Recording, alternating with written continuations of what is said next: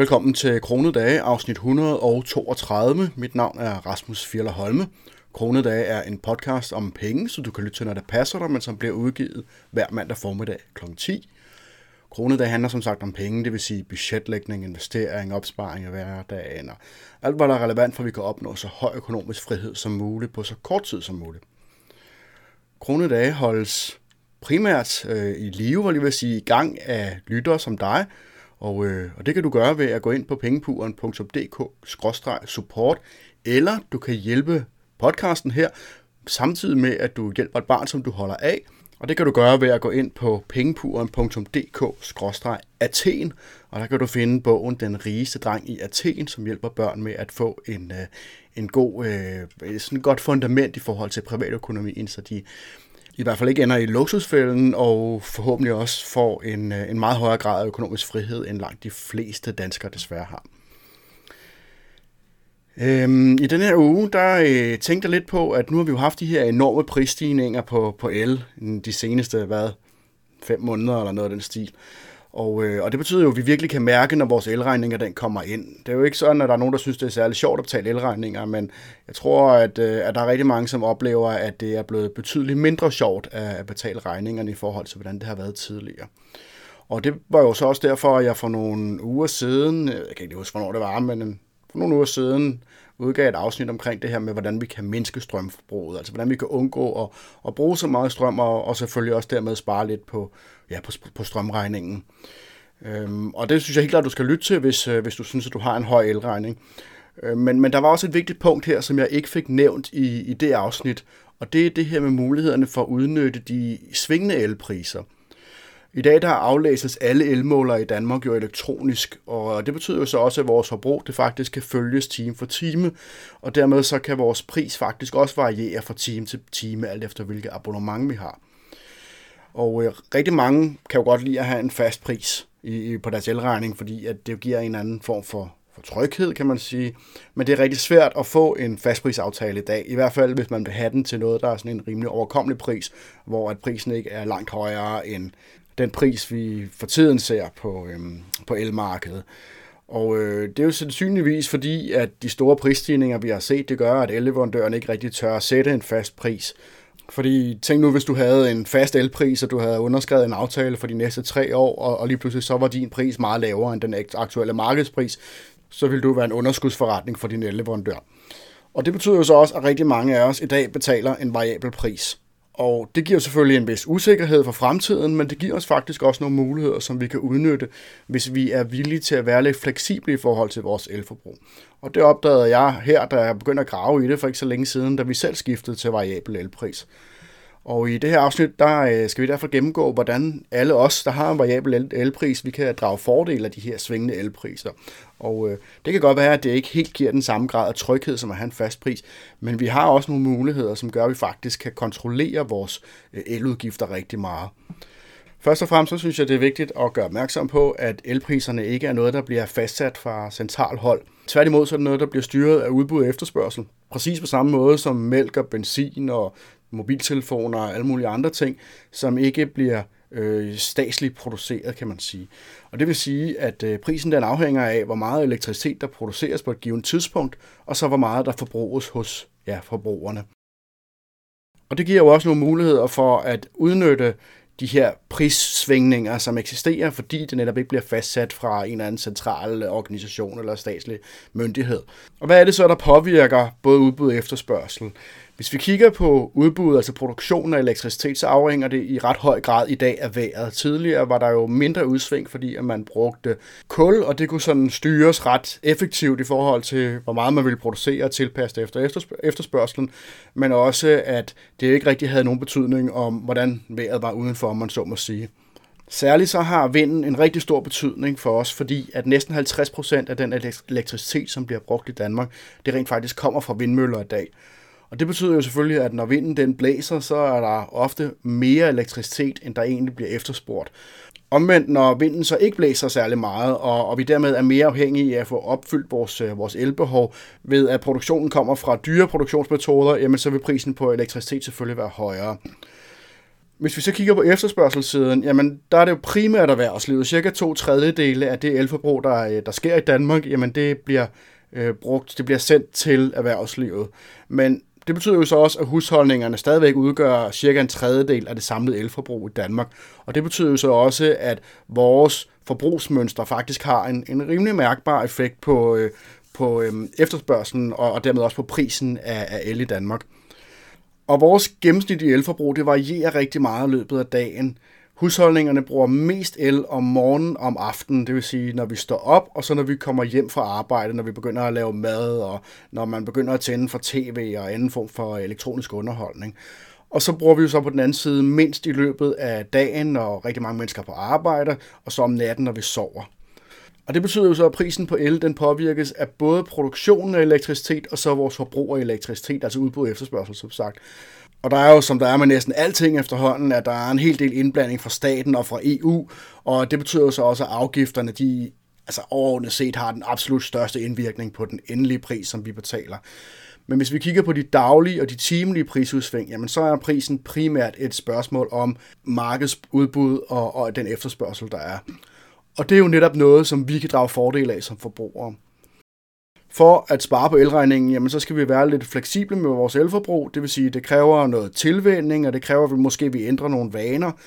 Men det betyder faktisk også, at vi har potentiel mulighed for at halvere vores elregning, hvis man gør en, en reel indsats. Og det har måske betydet mindre tidligere, hvis man sådan sætter den potentielle besparelse op imod, hvor, hvad man sådan skulle gøre af indsats, hvordan man skulle ændre sine vaner sine forbrugsmønstre og sådan nogle ting. Fordi at elpriserne trods alt var mere overkommelige, og så kunne det måske virke lidt sådan overdrevet og begynde at gøre en større indsats for at, at skære nogle få hundrede kroner af regningen eller noget af den stil. Men i dag der er priserne så høje, at det for rigtig mange mennesker drejer sig om adskillige tusind kroner, man kan spare. Nogen adskillige tusind kroner om måneden, men i hvert fald mange tusind kroner øh, over et år. Hvis vi nu kigger på, hvordan det for eksempel kunne se ud, jamen så var jeg inde og kigge på markedsprisen for en øh, kilowatt-time i, øh, i går, og, øh, og der var den billigste time, den var cirka 50 øre for en kilowatt-time. Og det var i tidspunktet mellem 1 og 3. Det dyreste periode, og den var ret det var ret lang den periode der, men der var en periode, hvor den faktisk var over 3 kroner på markedsprisen, og det var fra kl. 20 til kl. 22. Det betyder, at hvis vi kigger og sammenligner de billigste to timer med de dyreste to timer i det samme døgn, jamen så var der faktisk en 600% forskel. Og det er jo ret meget i sig selv også. Men det er faktisk langt fra den, den største forskel, man kan finde, eller den største sådan ud, udsving, man kan finde i, i et givet døgn. Nogle gange så er prisen faktisk under 1 øre, og til tider så er den, nogle få gange, så er den faktisk negativ. Og øh, vi kan måske ikke udnytte de her billige perioder fuldt ud, fordi det vil kræve, at man virkelig sådan tilpassede sit forbrug fuldt ud. Men hvis vi bare kigger sådan lidt og benytter de bedste muligheder, der er, sådan at det ligesom giver mening for os, jamen så kunne man måske lave en gennemsnitlig besparelse på en 30-40 procent, og hvis, det er, hvis du har en månedlig elregning på 2-3.000 kroner, jamen så er en 30-40 procent besparelse bestemt ikke at kæmpe sig det betyder jo så også, at for at man kan benytte sig af de her prisudsving, jamen så er det vigtigt at være opmærksom på, hvad der er den aktuelle pris på elbørsen. Og det kan man gøre på flere forskellige måder. Nogle eludbydere, de er så service-minded, at de har en app eller de har en hjemmeside, som viser lige præcis, hvor meget øh, du betaler for en given time hos dem, inklusiv afgifter, skatter og alle mulige andre udgifter forbundet med øh, at, at modtage el. Men hvis de ikke tilbyder det, som for eksempel, som vi bruger OK for eksempel, og de har lovet, at de vil lave sådan en overblik, men de har ikke gjort det endnu. Men man kan stadigvæk godt tjekke spotprisen, og det kan man gøre inde på Nordpool-børsen. Øh, Nordpol, det er der, hvor at al den el, der handles i Nordvesteuropa, den handles. Så hvis en kilowatt-time, den koster hvad, 2 kroner, jamen så er det det, som din eludbyder, de betaler. Så er der måske lidt forskel på, om, om man også betaler for det, der hedder grøn og sort el og sådan nogle ting. Men det er sådan et, et ret godt udgangspunkt. Og, øh, og så lægger de en udbyder nok et gebyr oveni, de skal jo også tjene nogle penge, og så kommer der afgifter og alt det der oveni. Men selvom at Nordpools øh, prisdata den er renset for alle de her ekstra udgifter, jamen, så får man jo stadigvæk den relative prisudvikling. Så det kan godt være, at der står, at prisen hos Nordpool den er 1 krone, og så kommer der afgifter alt muligt oveni, så du betaler jo i virkeligheden øh, 2 kroner, tror jeg, eller sådan noget der stil. Men, men det betyder jo ikke, at hvis den på et tidspunkt er 1 krone, og på et andet tidspunkt er 2 kroner, jamen så sparer du jo stadigvæk en krone, selvom at du reelt kommer til at betale mere efter afgifter og alt den slags. Og, øh, og det er jo den, den her relative prisudvikling, som er, øh, som er god at, at fokusere på. Og det kan du finde, hvis du går ind på øh, nordpoolgroup.com. Der er en øh, menu oppe i toppen, hvor der står Market Data. Her kan du se historisk data, og du kan også se priserne på timebasis for i dag og den efterfølgende dag. Så du kan både gå tilbage i tid og sammenligne tidligere, men du kan faktisk også se, hvad kommer jeg til at betale i, i resten af i dag, og så også i morgen. Der findes faktisk også en app, som hedder Spotpris. Jeg tror, den er udviklet af en nordmand, hvor at man kan se den her aktuelle markedspris, som er hentet fra Nordpool. Og øh, den kan jeg især godt lide, fordi at hvis man går ind på Nordpools hjemmeside, jamen så ser man en tabel med tal. Men det synes jeg kan være nogle gange lidt svært at overskue. Det kan være svært sådan at lige finde den høje og den billige der. Men inde på den her app Spotpris, der bliver man præsenteret for et søjlediagram, som gør det rigtig hurtigt og rigtig nemt lige at sammenligne og se, hvad er det, hvordan udvikler prisen sig time for time.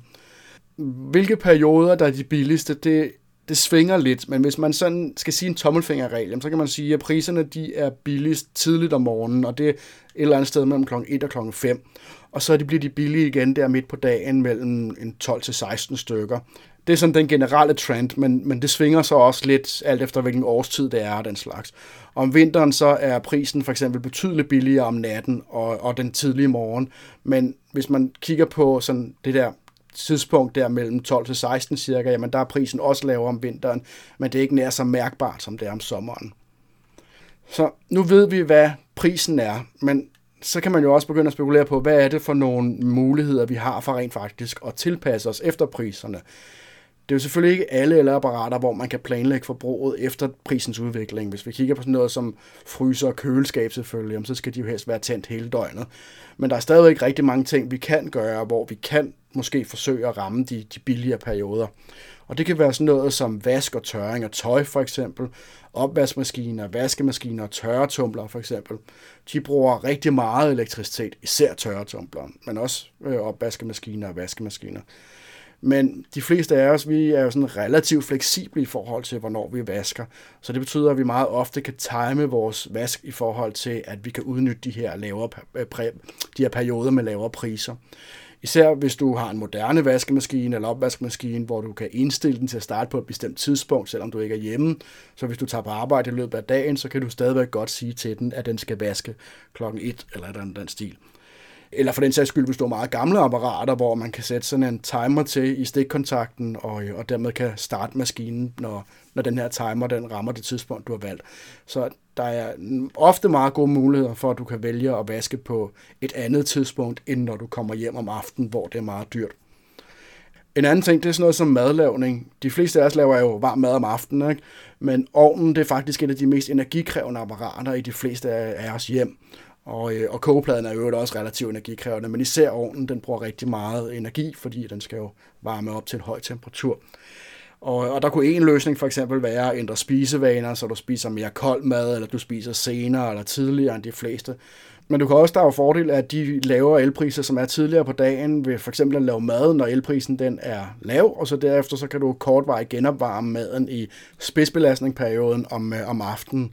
Eller du kan måske lave mad i en slow cooker. Det, øh, det har jeg haft stor fornøjelse af, sådan en slow cooker der, hvor den varmer maden op over lang tid. Det ser rigtig godt til kød, men sikkert også fint til grøntsager så, øh, så bruger den strømmen der midt om dagen, det meste af tiden, når den varmer maden op, der gør den det over, øh, over den billige periode midt på dagen, og så er den klar til, til spisetid. Generelt synes jeg personligt, at det er lidt svært det her med at være meget fleksibel omkring aftensmaden, uden at det ligesom går mærkbart ud over din livskvalitet. Men måske har du det på en anden måde, måske har du det fint nok med at spise kold mad til aftensmad, eller spise på et andet tidspunkt, eller sådan noget ting. Men også for vanedyr som mig for eksempel, er der jo også nogle muligheder. For eksempel så forsøger jeg så vidt muligt at bage brød sent om aftenen eller midt på dagen. Vi bager jo alt vores, øh, vores brød. Øh, det tror jeg også, jeg havde lavet et opslag om inde på min Instagram, så den kan du prøve at tjekke ud øh, for et stykke tid siden efterhånden. Men vi, vi bager så vidt muligt, hvad 95% af alt vores brød, og, og der øh, bruger man jo ovnen rigtig lang tid af gangen, og, og det kan være relativt dyrt, i, i hvert fald hvis man gør det meget ofte, og øh, derfor så forsøger jeg også at bage uden for de her spidsbelastningsperioder, og, øh, og der giver det også en rimelig pæn besparelse over et år. En anden ting, som især er relevant for os, som har elvarme, det er jo opvarmning. Men der er også mange, som ikke har elvarme, som stadigvæk for eksempel har elvarme i gulvet derhjemme på, på badeværelset for eksempel. Øh, og det er klart, at opvarmning kan være rigtig dyrt, hvis man har sådan helt almindelige elpaneler. Øhm, varmepumper, de er noget billigere i drift, men de bruger stadigvæk en hel del mængde strøm. De er normalt cirka tre gange så effektive som elpaneler, men det betyder jo ikke, at de ikke bruger strøm. Problemet er jo selvfølgelig, at det er svært at time, hvornår man fryser, kan man sige. Men måske så kan du skære lidt ned her og der, ved for eksempel at trække lidt tiden mellem det tidspunkt, hvor der tændes for varmen, og og hvor det sådan bliver behageligt og føler sig godt tilpas igen. Måske så kan du vente en times tid i spidsbelastningsperioden med lige at skrue op for varmen i et eller flere rum. Måske lige vente med at, at sætte varmen på ind i, i stuen, eller et eller andet den stil, hvor at, ja, det er måske overkommeligt i betragtning af, at du så måske først begynder at bruge varmen, når elen den er blevet lidt billigere igen. En anden ting, som er lidt relateret, det er også det her med varmt badevand. Hvis du for eksempel som også bruger el til brugsvandet, jamen så kan du måske også bade lidt senere, eller du kan måske gøre det lidt tidligere, end du normalt gør. Øhm, det er bedre selvfølgelig at tømme varmvandsbeholderen og, og så varme vand, nyt vand op, når prisen den er på sit laveste, i stedet for at gøre det lige midt i kogespidsen, som man kalder det. Også brug af elektriske apparater som tv og pc og sådan nogle ting, jamen det kan også i nogen omfang give mening at planlægge efter priserne. Hvis du for eksempel kan flytte tv-aftenen til en tid, hvor elektriciteten den er lidt billigere, eller husk at slukke computeren, når du skal spise middag og sådan nogle ting. Faktisk så er underholdning den kategori, som står for den største andel af husholdningernes elforbrug. Og selvom at mange moderne underholdningselektronik er sådan rimelig energivenlig, jamen så bruger vi så meget af det, at det stadigvæk udgør en ret stor andel af vores, øh, vores øh, elbudget. En anden ting, det er også noget, som bliver mere og mere relevant for mange af os. Som du måske har hørt i afsnit 126, så skiftede vi i vores familie for nylig vores dieselslur ud med en elbil. Og øh, hvis du også kører en elbil, jamen så er der potentielt rigtig mange penge at spare ved opladede perioder, hvor elektriciteten er billig. Fordi at selvom elbiler de er betydeligt billigere i drift end benzin- og dieselbiler, jamen når de så bliver ladet, når du sætter den i, fordi du har et næsten tom batteri, jamen så trækker de rigtig meget strøm. Og hvis du kan spare for eksempel 2 kroner per kilowatt-time, jamen så kan du faktisk let gøre en forskel på 100 kroner at fylde tanken, og vi går så en fylde tanken på en, en, øh, en typisk øh, moderne elbil. Så der kan være ret mange penge at spare, især når man, øh, når man kører elbil. Det fede det er jo så, at de fleste elbiler de kan indstilles, ligesom at du kan indstille de fleste moderne vaskemaskiner, jamen så kan du også indstille de fleste elbiler til at lade på bestemte tidspunkter. Så hvis nu strømmen for eksempel er billigst kl. 3 om morgenen, så betyder det jo ikke, at du behøver at gå ud i mørket og sætte den til laderen. Du kan bare indstille bilen til at starte opladningen på et tidspunkt, og, øh, og så gør den det automatisk. Der er altså rigtig mange måder at spare penge ved at forbruge lidt anderledes end den typiske dansker. Og det drejer sig ikke nødvendigvis om totalt at omlægge livet for at spare nogle tusind kroner, altså hvad mindre du virkelig har brug for pengene, eller at du synes, at udfordringen er sjov eller noget af den stil. Men mange begge små gør en stor å, som man siger. Og hvis du tilpasser madlavningen lidt, og du vasker midt på dagen, og generelt forsøger at undgå at bruge for meget elektricitet i spidsbelastningstimerne, jamen så vil du sandsynligvis spare et ret mærkbart beløb på din elregning næste gang, uden at du behøver at gå voldsomt meget på kompromis med livskvaliteten. Og, øh, og så kan det godt være, at du måske kun sparer 10% eller 20% i modsætning til nogen, der går lidt mere all in, der kan spare 50% eller noget af den stil. Men ja, altså hvis man, hvis man kan få det til at passe med, at det ikke går for meget ud over det, man gerne vil have, og, og den måde, man gerne vil leve på, så, øh, så tænker jeg, at det giver rigtig god mening for mange af os at, at forsøge at kigge lidt på, hvornår er prisen er højere, hvornår den er lavere. Det jeg gør, det er, at jeg lige tjekker priserne for i morgen hver dag, for lige at overveje, om der er noget, som vi kan have gavn af. Nogle gange så er der måske ikke det store at komme efter, eller bare en lille smule, hvor jeg kan gøre lidt, uden at, at det sådan behøver at vende op og ned på min dag, og, og så gør vi ikke et større nummer ud af det. Men andre gange, jamen, så kan jeg se, at der er en rigtig betydelig udsving i priserne, og, øh, og hvis jeg så med et jævne mellemrum kan spare måske 2-3 kroner per kilowatt-time ved at gøre noget lidt anderledes, og, og jeg sådan nogle gange finder en periode, hvor der virkelig er meget at spare, og så udnytter det så vidt det overhovedet kan lade sig gøre, og, og vasker alt tøjet, eller hvad det nu er der, jamen så giver det ret hurtigt en betydelig årlig besparelse. Og så kan man sige, ud over besparelsen, den økonomiske besparelse, jamen, så synes jeg også faktisk, det er lidt sjovt. Reelt så er du jo med til at udjævne elforbruget, og du er faktisk til gavn for alle. Men på den anden side, så er det også lidt sjovt, fordi det føles lidt som om, man har fået en, en, en, en art snydekoder til det her el-udgiftsspil. Det var ugens udgave af Kronedage, Og hvis jeg lød en lille smule hæs, så er det fordi, jeg er det, så det håber jeg, at du kan bære over med. Hvis du synes, at du fik noget ud af podcasten, og du måske har lyttet med før, eller har tænkt dig at lytte med i fremtiden, jamen så håber jeg, at du vil være med til at holde den kørende også ud i fremtiden. Og det kan du jo gøre inde på enten pengepuren.dk-support, eller du kan gå ind på pengepuren.dk-athen og hjælpe mig, samtidig med at du hjælper et barn, som du holder af. Ellers så er der bare at sige tusind tak, fordi du lyttede med. Vi tales ved i næste uge, og pas godt på jer selv derude.